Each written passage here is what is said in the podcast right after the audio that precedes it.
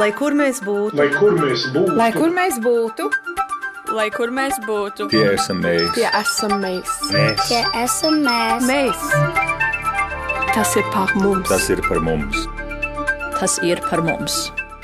Esiet sveicināti raidījumā Globālais Latvijas 21. gadsimts. Mums šodien dienas kārtībā raidījumā ir divi aktuāli temati, divi aktuāli diasporai un Latvijai notikumi. Raidījuma pirmo daļu, tad vienu no daļām šodienas raidījumā mēs veltīsim biznesa konferencei Spotlight Latvija, kas 1. aprīlī notika Losandželosā. Nu, par to, kāda ir pēcgarša pēc šī notikuma, par kādiem būtiskiem aspektiem un kādās nozarēs ir runāts, par ko visaizrautīgāk ir debatēts un ā, galu galā, kāpēc šis notikums ir tik svarīgs Latvijai.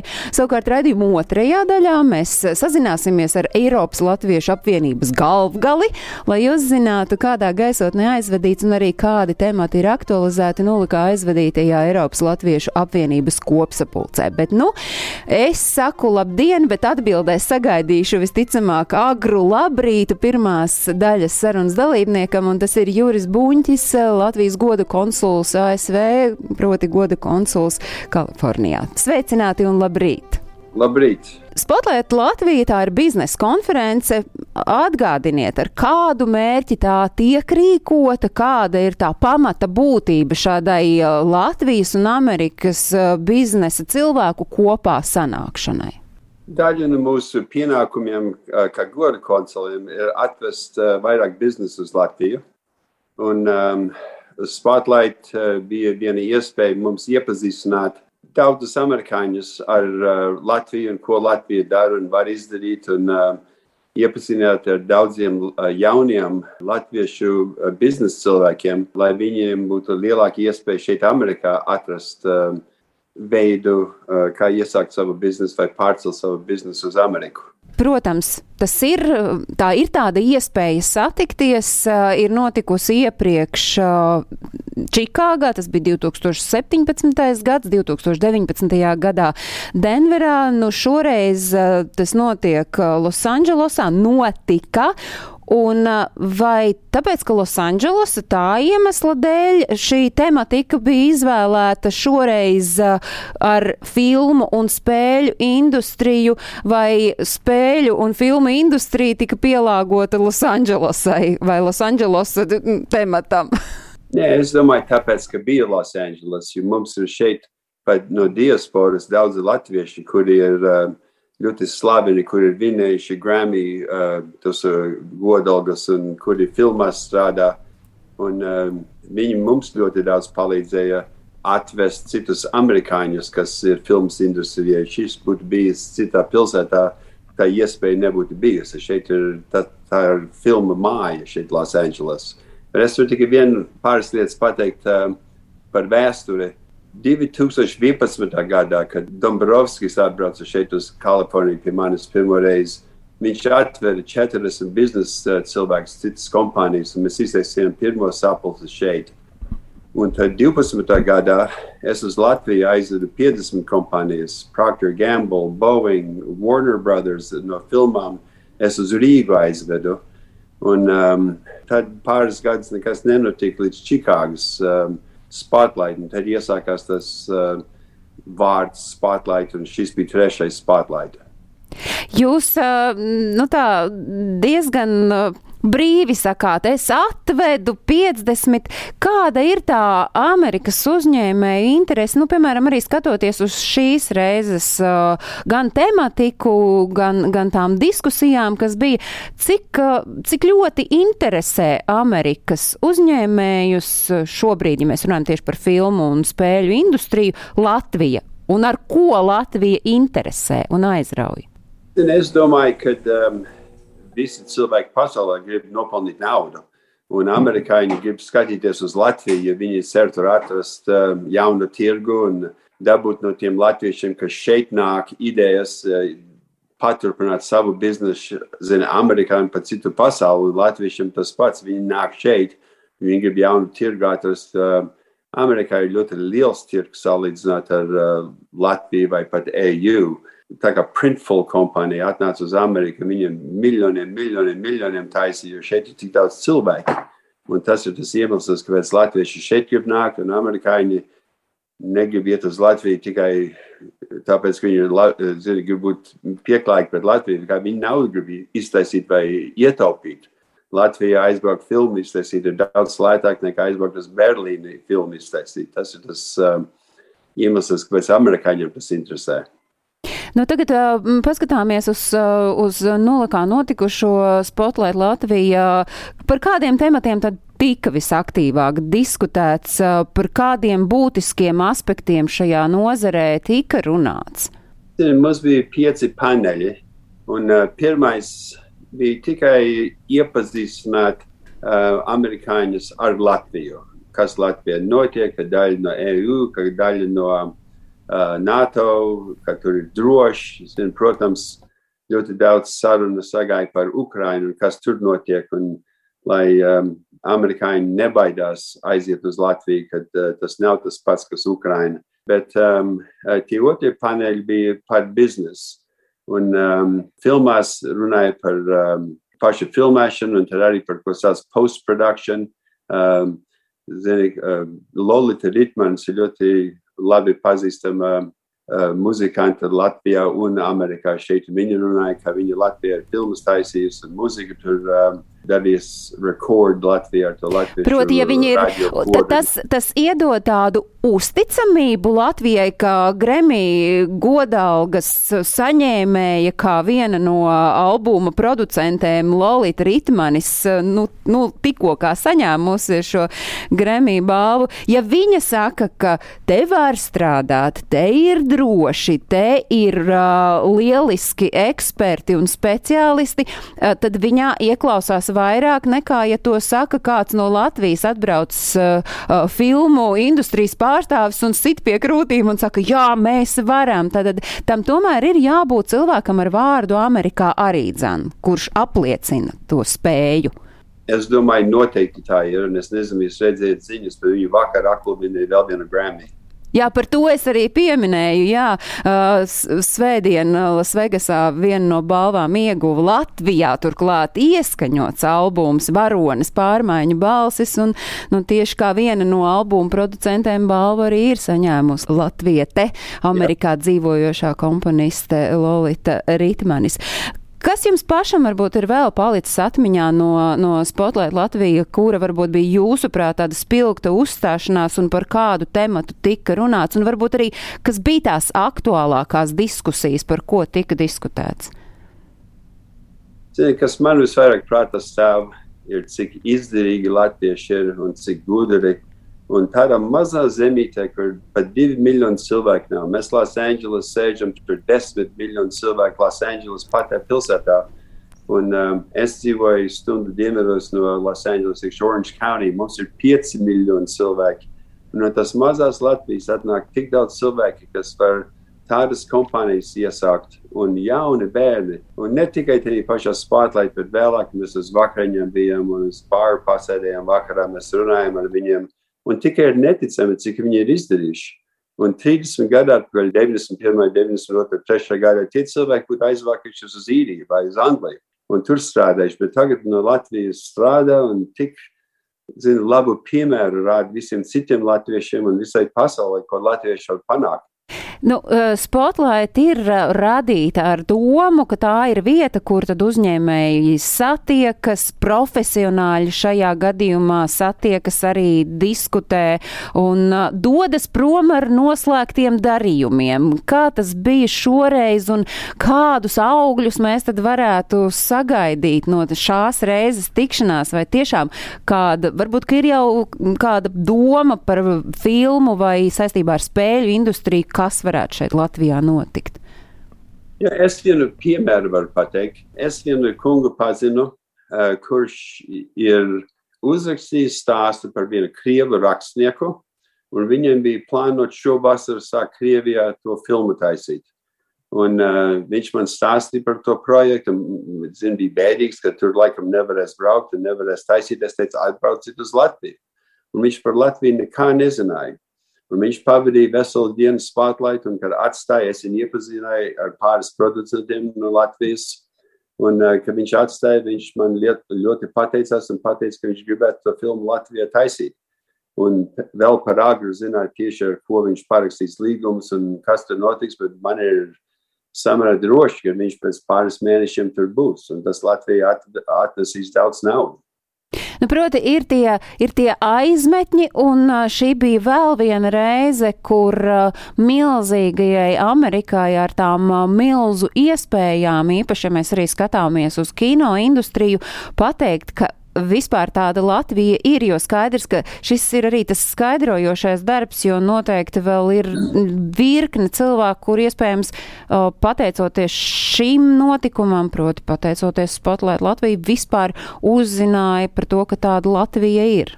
Tas noteikti. Un nebija tikai filmas par spēle, spēlēm. Tur viena kompānija Bigo no Latvijas atbrauca. Un uh, mēs viņus iepazīstinājām ar daudzām kompānijām, ar ko viņi var iesākt Amerikā strādāt. Un atkal viņam tas tirgus būs daudz, daudz lielāks nekā būtu bijis tikai Latvijā vai EU. Ja viņi arī atstāja ļoti, ļoti priecīgi un mums stipri pateicās par to, ka uh, mēs savedam viņus kopā ar uh, Amerikas kompānijām. So, visiem, es domāju, ļoti labi iznāca. Bet ikdienā arī savus ikdienas um, pienākumus pildot, uh, jums nākas saņemt ziņas no uzņēmējiem Latvijā, kuri saka, ka viņi labprāt uh, gribētu nokļūt uh, Amerikas tirgu un lūdz jūsu atbalstu, jūsu sakarus un iespējas ārpus šī notikuma, ārpus Spotlight Latviju. O, protams, visu laiku nāk, bet um, ar Spotlight bija tikai daudz vieglāk, jo viņi tik daudz informāciju vienā dienā var dabūt. Uh, ne tikai no citas kompānijas, bet uh, dzirdēt no, no vēstniekiem, no uh, ekonomikas ministra Jānis uh, Vitsenbergs bija pie mums. Un, ka viņi pa, parunā ar kādu cilvēku, viņi dabū zināt, ko tieši Latvijā var izdarīt. Un es domāju, viņi daudz vairāk iekļuva no Spotlight, nekā viņi būtu tik atnāk ar mani parunāties birojā.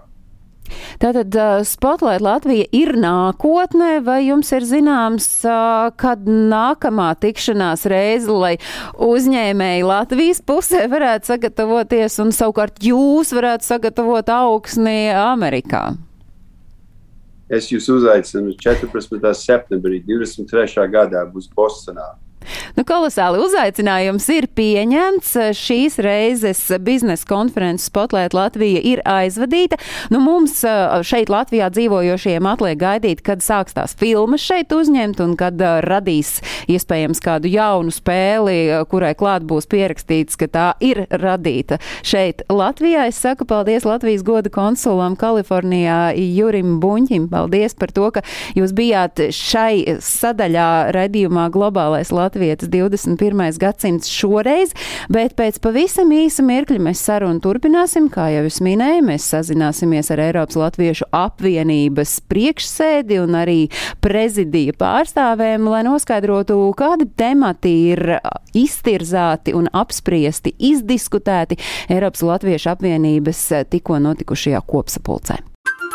Lai kur mēs būtu, lai kur mēs būtu, lai kur mēs būtu, lai kur mēs būtu, tie esam mēs, tie esam mēs. mēs, Tie esam mēs. Mēs. Tas ir par mums. tas ir par mums. tas ir par mums. Globālais latvietis 21. gadsimts. Es saku labdien Justīnai Krēsliņai, Eiropas Latviešu apvienības priekšsēdēji. Es uh, saku labdien arī Vitai Kalniņai, kur ir Eiropas Latviešu apvienības prezidija. Man nepatīk vārds loceklē, es teikšu pārstāve, un uh, prezidiju pārstāve arī Laura Ritenberga Kindere. Sveicinātas dāmas! Kādā formātā notika šī kopsapulce, un droši vien uzreiz arī ieskicējiet, kuri bija tie aktuālākie temati, jo es uzmetu aci, sapratu, daļa no jums bija klātienē sanākuši, un daļu uh, pateicoties viens paldies pandēmijai, varējāt saslēgties ar teju visu Eiropu arī tiešsaistē. Jā, tieši tā. Mums bija milzīgs, milzīgs uh, atvieglinājums beidzot vienam otru satikt īstā dzīvē. Mēs pagavām tikties uz īsu mirkli pagājušo vasaru uz L70 gadu jubileju un izrunāt pāris lietas īsumā aci pret aci. Bet beidzot, beidzot arī varējām jaunā prezidija sastāvā tikties un aprunāt gan lielās, gan arī mazās problēmas. Un, ja, ja uzreiz arī jāiezīmē, ir. ir Gan lielās, gan mazās problēmas. iezīmēsim gan lielās, gan mazās problēmas. Īsumā turpināt ar, ar tām pašām prioritātēm, kādas jau mēs zinājām agrāk. Tās būs principā izglītība, kultūra un arī pilsoniskā līdzdalība vai vēlēšanas šajā, šajā pašā rudenī. Eh, bet mazās problēmas, kas tika, tika iezīmētas, bija arī iekšējā darbā. Tas tika iezīmēts arī īsumā mūsu komandas saliedētībā, kā arī eh, iekšējās info aprites veicināšanā. Man uh, nedaudz pasakojot, jo jūs pavisam kopā cik jums stundu aizritēja sestdienā, svētdienā kopā diskutējot un strādājot? Es varbūt uh, varu atbildēt uz šo jautājumu. Pirmkārt, uh, labdien visiem vēlreiz. Un uh, atgriežoties nedaudz atpakaļ, kur notika.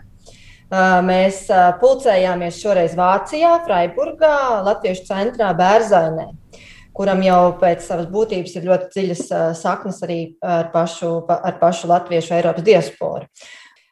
Kopumā mēs satikāmies jau daļa piekdienas vakarā, tie, kas sabrauca lēnu, lēnu garu no visas Eiropas. Un sestdien mēs sākām, ja nemaldos, pulkstenis pusē desmitos, un beidzām mēs pulkstenis pusē astoņos.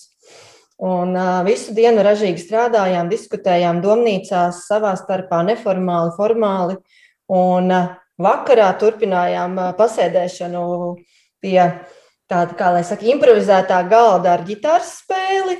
Un dziedājām latviešu dziesmas, dziedājām arī ukraiņu dziesmu vienu, jo Latvijas centrs bērnē šobrīd arī dod patvērumu vairākām ukraiņu ģimenēm. Un, jā, un, un, svē, un svētdienā mēs sākām arī pulkstenis, ja nemaldos, pusē desmitos, un aktīvi līdz diviem mēs arī nostrādājām. Ārkārtīgi intensīvs darbs ar, ar tādu uh, pamatīgu iesaisti, jo Justīna bija izdomājusi, vai jūs kopīgi bijāt, man radās tā sajūta, ka tas ir tāds Justīnas radīta iespēja sazināties, pēc iespējas vairāk iesaistot cilvēkus, lai atklātu tieši kādas ir viņu sajūtas, kā viņi jūtas Eiropas Latviešu apvienībā, lai, lai saprastu, kāds tad ir tas virziens, kādā jāiet. Nu, Justīna nosauc izglītību, kultūru un pilsoniskā līdzdalība, tas viss ir skaidrs, bet uh, jūs arī diezgan niansēti izpētījāt. Nu, piemēram, kas šobrīd ir Eiropas Latviešu apvienības tādas stiprie balsti, stiprie uh, pamati un kas ir tas, kas jūs redzat nu, tādi ļodzīgāki un nav pati, pati uh, izturīgākā pamatu būšana? Es gribētu atbildēt šādi. Es domāju, ka tie pamati ir mums patiešām ļoti stipri ielīta. Tā diasporas politika ar, ar visu diasporas likumu un, un ar visu, ko, kas ar to ir saistīts. Tie visi pamati ir ielikti. Mums tās iespējas rīkoties īstenībā ir. Bet tas, kas, tas, kas ļodzās, tie ir bijuši pēdējie divi pandēmijas gadi, kad mēs manījuši, ka ne tikai skoliņas un kopas tiksim, nav varējuši tikties, bet arī biedrības nav varējuši tik, nu, tāpat kā agrāk, izmēr turpināt savu darbību.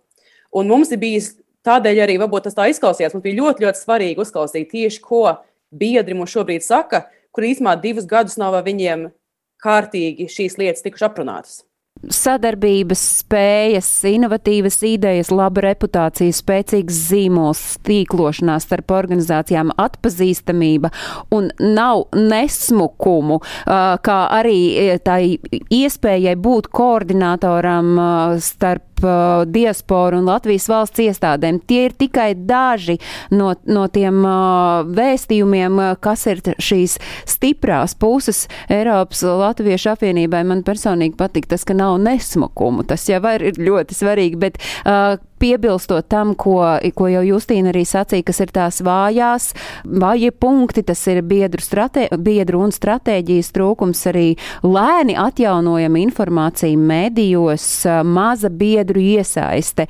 gada griezumā. Laura, kā jūs redzat biedru iesaiste? Tas nav tikai Eiropas Latviešu apvienības uh, sāpju punkts, arī runājot ar Amerikas Latviešu apvienību, runājot ar Pasaules Brīvo Latviešu apvienību. Tas ir viens no atslēgas jautājumiem. Bet kā? Pats pamats tam visam un sākums ir, uh, jo īpaši organizācijās, kas ir saistītas ar nevis algotiem darbiniekiem, bet ar cilvēkiem, kas tur pavada savu brīvo laiku. Um, tas jau nav noslēpums. Tas ir nevien, nevien diasporā, tā Latvijā arī tā ir. Ir cilvēki, kas kaut ko dara, un tie, kas kaut ko dara, tie dara visu. Viņi parasti vienlaicīgi dzied, dejo, spēlē teātri, um, atbalsta organizācijas, ir vienā, otrā, trešajā, un diennaktī, diemžēl, tikai 24 stundas. Līdz ar to tā atslēga, manuprāt, ir uh, meklēt veidus, meklēt stratēģijas, meklēt kontaktu ceļus, lai atrastu tos, kam vēl ir šīs kapacitātes, kam ir zināšanas, dot viņiem sajūtu un signalizēt viņiem, ka viņi ir vajadzīgi, pašiem priekš sevis saprast, kam viņi mums ir vajadzīgi, un tad atrast to ceļu pie tiem cilvēkiem, kuriem ir interese un kuri ir gatavi kādu sava, sava brīvā laika daļu veltīt um, šim te. Um, šiem diasporas jautājumiem, diasporas um, dažādām, dažādu pasākumu un pasākumu attīstībai. Um, un tā jau arī ir tā atbilde uz to, kā. No sākuma saprast, kas mums ir vajadzīgs, pēc, meklē, pēc tam meklēt kanālu, meklēt to telefonu, kur atrast šos cilvēkus, kā mēs viņus varam atrast. Mēs viņus mēs varam mēģināt um, izmantot dažādas informācijas kanālus, dažādus mēdījus, bet brīnišķīga metode ir klusie telefoni caur citiem aktīviem cilvēkiem. Vai tu zini, kādu mums ir vajadzība, tāda un tāda. Bet, lai zinātu, ko mēs meklējam, mums pirmkārt ir jāapzinās, kas tas ir, kam mums ir vajadzīga palīdzība, kas ir tie jautājumi, kas ir jāattīsta. Tad mēs meklējam, kas mums var palīdzēt. Tā es to redzu. Vīta, kā jūs to redzat? Es laikam esmu no visa šī prezidija visvecākā locekla šobrīd, jo šis ir mans trešais sasaukums jau. Es piekrītu Laurai par šo cilvēku piesaisti, ka mums ir jā, vispirms jāaktualizē tā vajadzība, un tad jau mēs meklējam, kas, kas, kas tad varētu būt tas cilvēks, kas varētu nākt palīdzi, palīgā. Es domāju, ka tas ir tas pareizais ceļš, bet eh, šie pandēmijas gadi tiešām ir ieviesuši zināmas korekcijas ar to, ka cilvēkiem savā mītņu zemēs nav bijis iespēja uh, tikties, runāties. Un, un, un, un te ir tā lielākā problēma, kur mēs jūtam, ka ir paputējuši šīs latviskās attiecības jau pašās mītņu zemēs, jo nav bijis iespējas satikties. Mums visiem ir skaidrs, 21. gadsimtā ar pandēmiju mēs šobrīd varam saslēgties kopā no jebkuras vietas, bet cilvēki no tā ir noguruši. Jo tev darbs ir visu laiku mājās, datorā. Un tu vairs īsti pat nu, diez vai meklēsi to savu draugu, ar kuru tu atkal gribēsi parunāt tikai datorā vai mājās. Bet um, mēs esam dzirdējuši, ka šī ir problēma, tātad mums ir jāmēģina kopīgi viņu risināt. Justīna, nu, tas stratēģijas trūkums izskanēja arī šīs kopsapulces laikā. Droši vien, ka Eiropas Latviešu apvienības priekšsēdēji uzreiz tur arī sāk kaut kas iedarboties un sāk griezties tie ritenīši. Ne, es varētu atbildēt arī uz šo jautājumu. Jā. Es gan, tas izskanēja pirmajā dienā, bet tad, kad mums bija otrā dienā slēgtā sapulce, uh, Tā gan īsti nav taisnība, jo pagājušā gadā ar SIF, SIF projekta līdzekļiem Eiropas Latviešu apvienība ir uzrakstījusi savu stratēģiju uz 14 lapām. Un, uh, viņa ir uh, diezgan uh, tāda detalizēta par katru jomu, uh, ko mēs darām. Un, uh, ir, vien, ir viena no mūsu rezolūcijām, kad uh, mums ir šis uzrakstītais dokuments jāievieš uh, darbībā, dzīvē. Uh, un uh, ar iespēju visiem biedriem viņu izlasīt, uh, pilnveidot, uh, teikt ieteikumus un tam līdzīgi. Tātad šis ieskicējās pirmajā dienā, bet patiesībā otrā dienā uz to bija lieta konkrēta atbilde ar konkrētiem jau izdarītiem darbiem. Nu tad, uh... Plus, mīnus, nu kas ir tajā stratēģijā, kas ir tas galvenais? Tas jau, ko Justīna minēja, šie trīs punkti, bet noteikti vēl kaut kas. Ja mēs zinām, kā tiek veidot stratēģija, stratēģija pirmkārt ir par virzieniem un jomām, kurus mēs esam gatavi un, kā, nu, un cik tālu mēs esam gatavi viņās iet un, un, un darboties. Protams, arī par finanšu piesaisti tur ir minēts, tur ir izglītības stratēģija, kāda, kāda plus-mínus viņa varētu būt saistībā ar, ar skolu 20, 30. Tur ir par jauniešiem, jo, kā mēs zinām, šis 22. gads ir Eiropas jaunatnes gads. Ja? Tur ir ļoti daudz tādas lietas, kas ir kā, nu, tad, tad tie virzieni, tās stratēģijas, viņas ir beidzot, viņas visu laiku ir bijušas kaut kur kādam galvā, bet viņas ir beidzot uzliktas un sastruktūrizētas uz papīra. Un, nu, bet es saku, šis dokuments būs pieejams, un tā kā viņi varēs pēc tam iepazīties. Es domāju, ka varbūt pat vēl kādu globālā latviešu raidījumu tieši atsevišķi par šo jautājumu varētu uztaisīt. Jā, tā mēs noteikti varētu darīt, bet uh, Vita pieminēja finanses, nu tas ir arī aktuāls jautājums. Kādi ir tie šobrīd tie iespējamie finanšu gūšanas veidi Eiropas Latviešu apvienībai, Justīna? Man ir jāatzīst, ka šis ir uh, patiesi uh, Vitas vismīļākais un arī Vitas vislabākais. Jautājums, tad, tad, jā, jādod vārds atkal Vitai ir. Jautājumā par finansēm. Kā mēs visi zinām, pēc, pēc biedrību uzbūves kā tādas, biedrība nav tā peļņas gūstoša absolūti nekāda organizācija. Mūsu pamatbudžets sastāv no biedru iemaksām, Tātad mums kopā šobrīd Eiropas Latviešu apvienībā ir 30 biedru organizācijas. 19 Eiropas valstīs, no kurām 19 ir pilntiesīgie biedri, kuri savukārt arī maksā šīs biedru naudas. Pārējie 11 ir asociētie, kuri nemaksā biedru naudas. Tātad pamatbudžets mums sastāv no biedru, naudu, biedru, biedru iemaksām. Un pārējais, ko mēs gada laikā, kā, mums veidojās diezgan liels apgrozījums Eiropas Latviešu apvienībai, bet šīs ir šīs no Latvijas piesaistītās naudas, kas ir projektu naudas, vai tās nāk no kultūras ministrijas, vai no izglītības zinātnes ministrijas, vai no Latvijas valodas aģentūras, kur mums ir diasporas skoliņu atbalsts, ko ELA principā administrē. Un plus vēl tam mēs aktīvi prezidijā rakstām šos sabiedrības integrācijas fonda projektus, Un uz šīs projekta bāzes mēs esam spējīgi darīt kaut kādas lielākas lietas un, un, un, un piesaistīt cilvēkus, piesaistīt darbiniekus. Jo, piemēram, mums arī NVOF projektā šo, šogad ir. Mēs varam nofinansēt mūsu pamatdarbībai, nofinansēt biroju vadītāju, mēs varam nofinansēt mūsu sabiedrisko attiecību speciālistu, Jo no tām biedru naudām, kā no pamatbudžeta, mums tas nebūtu īsti iespējams. Lūk, te ir atslēgas vārds projekti, jo patiesībā jau šobrīd nu, to projektu ir daudz. Kādi Jā. ir tie jūsu, nu kaut kādi tie pamatprincipi, lai neapmaldītos pirmkārt tajā projektu daudzumā un arī saprastu, kuri ir tie mūsējie un, un vai arī, piemēram, pašas biedrības zina, kur, kurā projektā viņi varētu pasmelties, lai varētu nu, gan tā rosība notikt, gan tie jaunie dalībnieki pievienotos jebkura biedrība ir tiesīga rakstīt jebkuru projektu. Piemēram, ārlietu ministrija ļoti aktīvi atbalsta tieši biedrību, biedrību visādas vajadzības, vai divreiz gadā ir iespēja rakstīt šos projektus, ko viņi izmanto caur vēstniecībām, un, un tie ir ļoti daudz un labi. Un, un, un, es, es nepateikšu absolūtos skaitļos, jo es nepārstāvu ārlietu ministriju, es nezinu, cik ir tas kopējais budžets, bet viņi tur diezgan daudz atbalsta tieši šīs maz, mazās biedrības organizācijas kopas, Tad projekti, kas nāk no kultūras ministrijas, piemēram, nometņu. Šogad mums ir nometņu programma, nometņu projekts, kur mēs uh, esam izsludinājuši konkursu, esam savākuši šos pieteikumus. Šobrīd komisija strādā pie tā, lai sadalītu šos līdzekļus, un būs sešas nometnes, piemēram, uh, Eiropā diasporai. Tāpat mums ir no IZM Latviešu valodas aģentūras projekts, kas ir skolu atbalsts kas ir katru gadu, kur ir uh, vairāk kā 100 tūkstoši eiro, tiek piešķirti tieši diasporas skolām. Un šogad mums pieteicās 40 skolas. Un, uh, viena skola beigās atteicās, viena neatbilst uh, konkursu nolikumam. Tātad šogad tiks finansēts Eiropā no šī budžeta 41 skola. Uh, Un ir zinātnes projekti no izglītības un zinātnes ministrijas. Man ir jautājums, kurš šo visu, kurš ir tas, kurš šo visu pārzina? Nu, tur ir jābūt vienam nenormālajam, uh, uh, jāprot un jāurbi tajā projektu štelē ir līdz kaulam, lai, lai saprastu, kas ir tas, ko mēs varam paņemt. Jā, tā ir.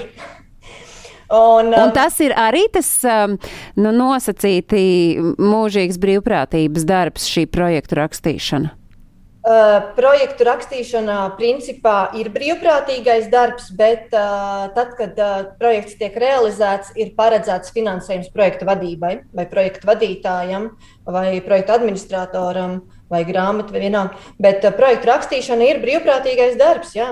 Bet, principā, Ir- projekti, es saprotu, Vita, ka projekti, un uh, varbūt ar Justīnu un arī, arī Lauru iesaistīt, tie projekti, tā, tas ir tāds atslēgas vārds, kas ļauj darboties krietni plašāk Eiropas Latviešu apvienībai. Viennozīmīgi. Es gribētu teikt, viennozīmīgi.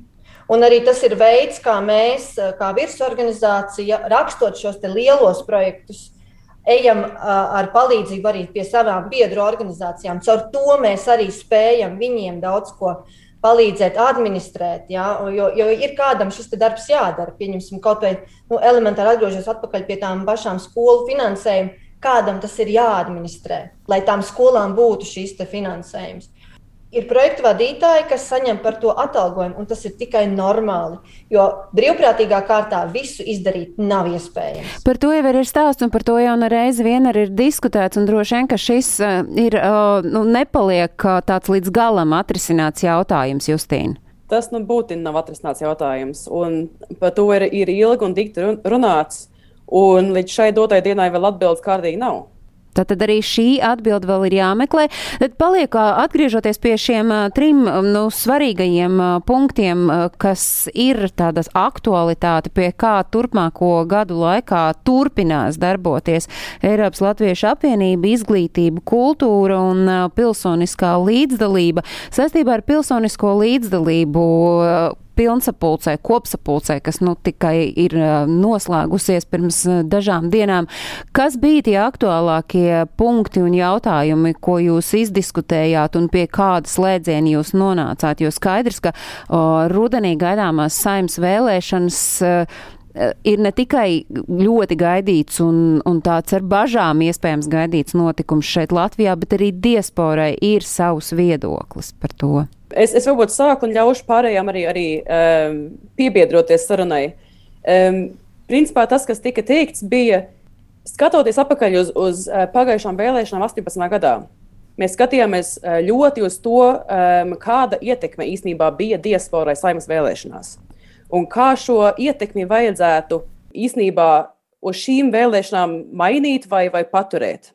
Mēs ļoti skatījāmies arī uz to lomu, kuras faktiski diasporas organizācijas var nest sapratām, ka no Elas puses pats galvenais ir īstenībā vest to diasporas politiku pie politiskām partijām un ra- radīt to par vienu ļoti lielu aktualitāti, eh, bet arī atgāniski atpakaļ um, veidot no partijām un no Latvijas valsts to informatīvo tīklu ārā pie savām biedru orga- organizācijām. Laura, ir kas piebilstams, jo es domāju, kā vest, kā, kā jūs to redzat, kā tas notiktu? Nu, Būtībā svarīgākais šajā ziņā ir informācijas apmaiņa. Atrast veidus, kā sasniegt vēlētāju, potenciālo vēlētāju, un kā motivēt viņu tur piedalīties un tur nonākt. Jo, esot diasporā, teiksim, Latvijā mums ir skaidra tā sistēma, kā tas notiek. Atrodoties diasporā, es teiksim, konkrēti zinu, kā tas notiek Vācijā. Attālumi ir lieli.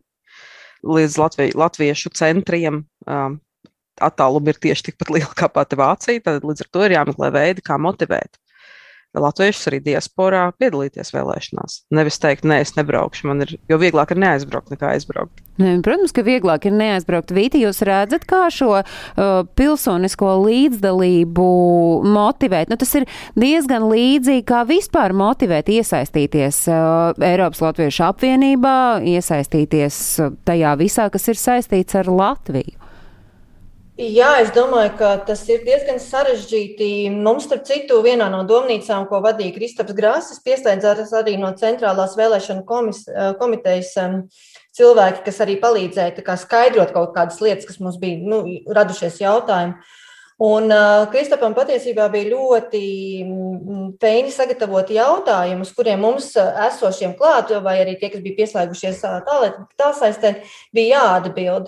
Un tur bija kaut kādas lietas, kas kristalizējās ārā, par kurām tad arī nu, tā kā, mm, lika aizdomāties arī man pašai personīgi. Uh, viens ir, protams, šīs tehniskās lietas, kas ir tīri balsošana pa pastu vai iecirknī un tam līdzīgi, bet bija vēl arī tādas dziļākas, ko es saklausīju sēžot sapulcē un klausoties, ka grūtākais, man liekas, aiziet pie tā diasporas cilvēka ir ar jautājumu, vai tu balso par cilvēku, personu, kuru tu pazīsti, dzīvojot diasporā, vai tu balso par programmu, vai tu esi iepazinies ar programmu. Un man tas likās tik šausmīgi, man tā kaut kādā brīdī likās tik šausmīgi precīzi pateikts, vai kā tad mēs sasniedzam caur programmām vai caur cilvēku. Un, ir, un, to, un to mēs varam pievilkt jebkurā jomā, vai mēs piesaistām biedru caur stratēģiju vai caur cilvēku.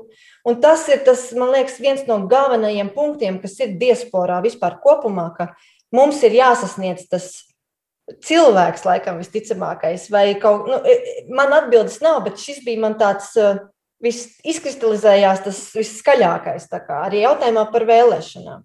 Cik tu esi izglītots, cik tu esi zinošs diasporā par konkrēto programmu vai par cilvēku, kuru tu vari nosaukt uzvārdā, vai ir Vīķa Freiberga, piemēram, zina visi.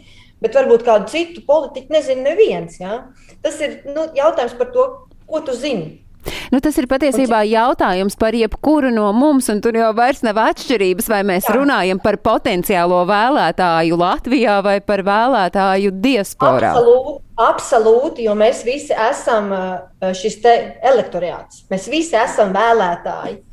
Un es, do, un es domāju, ka vēl viena lieta, kas eh, mēs paskatīsimies, protams, tad, kad būs noslēgušās šīs vēlēšanās, Bet uh, mana tā sajūta ir, ka saistībā ar to visu, kas šobrīd notiek pasaulē, globāli, ka varētu būt tā aktivitāte pilnīgi citādāka nekā viņa ir bijusi pirms tam. Lielāka, augstāka, zemāka, kā jums šķiet?